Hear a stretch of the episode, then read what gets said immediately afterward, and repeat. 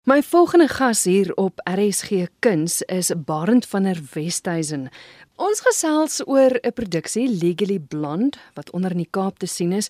Maar gou eers, ek wil oor jou gesels. Jy is voltyds in die onderwys. Dit is reg, ja. Maar jy staan ook met 'n ander voet, staan jy tog in die bedryf? Ja, nee, ek het 'n uh, eh, eintlik het ek dink ek het die van beste lewe wat possibly daar kan wees. Ehm um, ek is besig om altyd my liefdes uit te leef, my passies.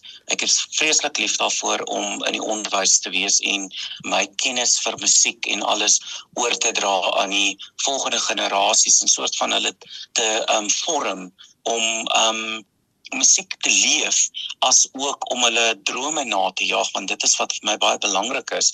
Maar dan is ek ook baie gelukkig om op 'n deeltydse basis um 'n professionele lewe in die kunste te leef en deur nog self um op te tree op die opera verhoog en um op die musiekblyspel verhoog en self liederkonserte te doen. So ek het regtig in Engels the best of both worlds hier aan my kant weet. By watter skool is jy? Ek is hier um in die Kaap um by die Tiere Hoërskool Tygerberg in Parow en ons het 'n ongelooflike kultuurdepartement en ek is baie baie trots om die hoof van dit te wees. Jy is adjunkhoof ook, né? Ja, nee, ek staan daai posisie nou vol en um hanteer maar die administratiewe take soos dit vandag na dag gebeur. Jy kan nooit jou dag beplan in die onderwys nie en vir iemand wat liggies ADHD is, is dit maar die beste manier om deur die dag te kom. nou jy is betrokke by die Pinelands Players. Hulle het 'n produksie Legally Blonde wat op die verhoog te sien is by Kunste Kaap. Jy is musikale regisseur daarvan, maar kom ons praat gou eers oor die teatergroep, die Pinelands Players. Dit is nogal so 'n teatergroep wat 'n wat 'n lang geskiedenis het. Yes. Hulle is gestig in 1948 en ehm um, hulle is baie trots daarop om um, die woord amateur as deel van hulle ehm um, hulle naam daar te stel amateur toneelgroep. Maar nou beteken dit nie om neer te kyk en dink dit gaan nou subpar produksies wees nie, want al hierdie mense wat deel is van hierdie groep, um is fantasties op die verhoog. Jy kan hulle enige plek heen neem en 'n wêreld 'n produksie kan kan gesien word daarso. Hulle is net nie bereid om die stapie te maak om te freelance nie wat mos nou maar 'n baie groot deel van Suid-Afrikaanse ehm um, van die kunste wêreld is. So in 1948 is hulle gestig en ehm um, dit het baie baie goed gegaan met hulle deur die jare. Hulle hulle het begin as 'n ehm um, gedeelte van die St Stephen's Pinelands Repertory Society en hulle het vir 'n um, amper ehm um, 40 jaar deur hierdie kerk hulle produksies op die planke gesit en toe in die 1980s het hulle die um die naam nog net Pinelands Players verkort en dit het toe nou 'n bietjie minder goed begin gaan want onthou televisie het toe nou 'n gedeelte hier van die laat 70s begin ja. oorvat van die toneelgroepe en toe in 1991 moes hulle nou nou 'n uh, vergadering hou om te besluit of die vereniging gaan voortbestaan. En ehm um, hulle het toe nou maar besluit om die vereniging klaar te maak en maar met 'n bang uit te gaan. En hulle kies toe die produksie South Pacific by die Little Theatre daar by die um, Kaapse Universiteit. Ja. En dit was te so ehm, 'n um, wonderlike produksie geweest dat ehm um, dit heeltemal 'n keerpunt vir hulle ehm um, ontstaan het en hulle het toe nou soveel geld basies ingesamel met hierdie produksie dat hulle kon voortgaan om deur die 90ers en tot en met vandag fantastiese produksies op die planke te voer. Ek was vir die eerste keer by hulle betrokke gewees in um, 2017 waar ek ook die musikale regisseur was vir The Full Monty the Musical wat ons opgevoer by Grand West. En dit het toe nou ook so goed daarmee gegaan dat ons toe nou die regte kon bekom vir Hairspray the musical wat toe nou in 20 ek gaan vir jou jok maak dink in 2019 dat die kunste Kaap uitgevoer is en dit was die basis die rekord um musiekblyspel vir Pinelands Players se geskiedenis en toe slat COVID-19 mm -hmm. maar ons is nou weer terug met 'n bang met Legally Blonde van 3 tot 18 Februarie in die Kunste Kaap Theater. Dis wonderlik, is 'n fantastiese geskiedenis.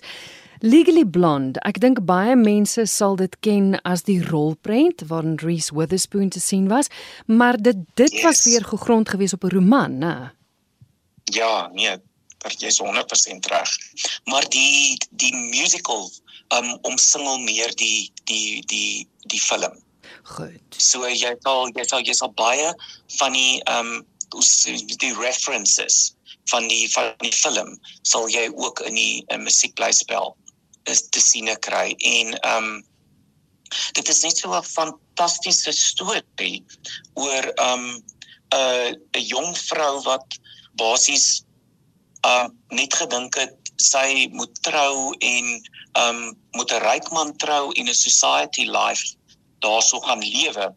En hoe sy toe nou op die ou einde um in Harvard opgeëindig het in die regte departement en vir haar heeltemal self herontdek het dat sy nie nodig het om net steen te maak op 'n man nie. Hmm. Maar sy kan haar eie besluite maak, sy kan haar eie drome najag. En dan natuurlik omdat dit 'n roman is, ehm um, kon sy ook besluit by watter kan ons sê kerel sy die beste aanklank vind. Hmm. En dit is nie noodwendig die ou wat in die begin voete onder haar uitgeslaan het nie. Dis natuurlik waar jy ook nou inkom want ek dink jy is jy's nie so gaaf met haar nie, né? Die die karakter wat jy speel. Nee, die professor Callahan is maar bietjie van 'n um 'n aardige karakter. Hy kyk verskriklik neer op Elwoods, die hoofkarakter, omdat sy is hierdie kan ons maar sê stereotipe blondine. Sy hou van pink, sy is um bubbelrig sy wat vir haar belangrik is is die sosiale aspek van die universiteitslewe. En ehm um, hy het regtig vir haar in 'n boksie gesit waar hy gedink het hierdie ene gaan nie fly nie. Hy gaan hy gaan haar soort van die grap van die klas maak. En elke keer hy jaag haar uit die klas uit. Hy praat neer teenoor haar en dan keer op keer dan verbaas hy hom met haar antwoorde. En in die tweede bedryf dan is hulle besig met hierdie hof sessie waar die een dame wat nou ook 'n groot rol speel die fitness queen Brooke Wyndham waar sy dan nou um aangekla word vir moord op haar man en El het 'n het 'n koneksie met haar waar want hulle kom uit dieselfde kan ek maar sê koshuis agtergrond uit by die Universiteit van Kalifornië Los Angeles. Ja. En so hulle het toe nou 'n koneksie daarso en met Else leiding hier onder af kom toe nou heeltemal uit dat maar um Brooke Wyndham is nie kan ons maar sê skuldig aan die moord nie en op daai plaas dit toe nou vir El in 'n heeltemal 'n ander lig in Callahan se se oë en hy kan ons maar sê sleep toe nou vlek by haar maar op 'n minder mooi manier hy druk homself op haar af en sy slaan die wit wiks uit hom uit en hy in danka toe af. So die karakter wat ek speel is nie 'n nice karakter nie. Jy het nou gesê dit is 'n amateur teatergroep en dat ek dink dis mense wat net slim genoeg was om 'n om 'n regte werk te hê. Ehm um, maar so dis nie dis nie 'n minder professionele produksie nie, maar dit is tog temas wat ek dink vreeslik relevant is in vandag se tyd. Hoekom sou jy wil hê moet mense kom kyk?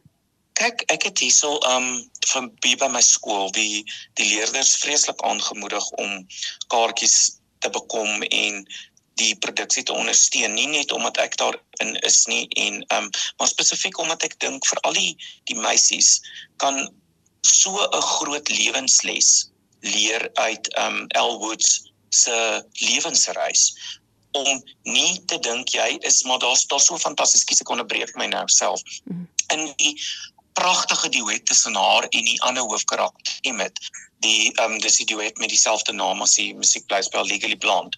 Het sy net nadat sy nou afgedank is deur Callahan ehm um, sê sy die volgende woorde ehm um, some girls uh fight the trial. Some girls um stand tall. And some girls are just meant to smile.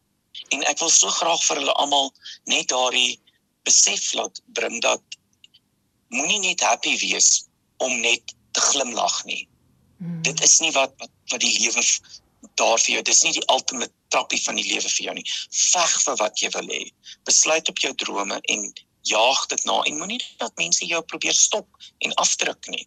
En ek dink dit is wat die grootste boodskap is wat vir enige jong mens en dit is ook op toepassing van die kan ons maar sê van die jong mans Hmm. um wat hier by die skool is veg vir jou drome jaag jou passies na moet nooit glo as iemand vir jou sê jy's nie goed genoeg nie werk harder jy Hmm. kan dit doen En ek dink ook die hele Me Too beweging, ook die hele ding van waar ons juis, jy weet, veg teen geweld teen vroue en kinders. Dis alles wat so 'n Exactly. realiteit van ons samelewing is. die kan ek maar sê die knocks wat jy kry is die is die knocks wat jou vorm Mm. om daai mens te wees wat jy moet wees op jou uitpunt op jou by jou uitpunt Ja, ja.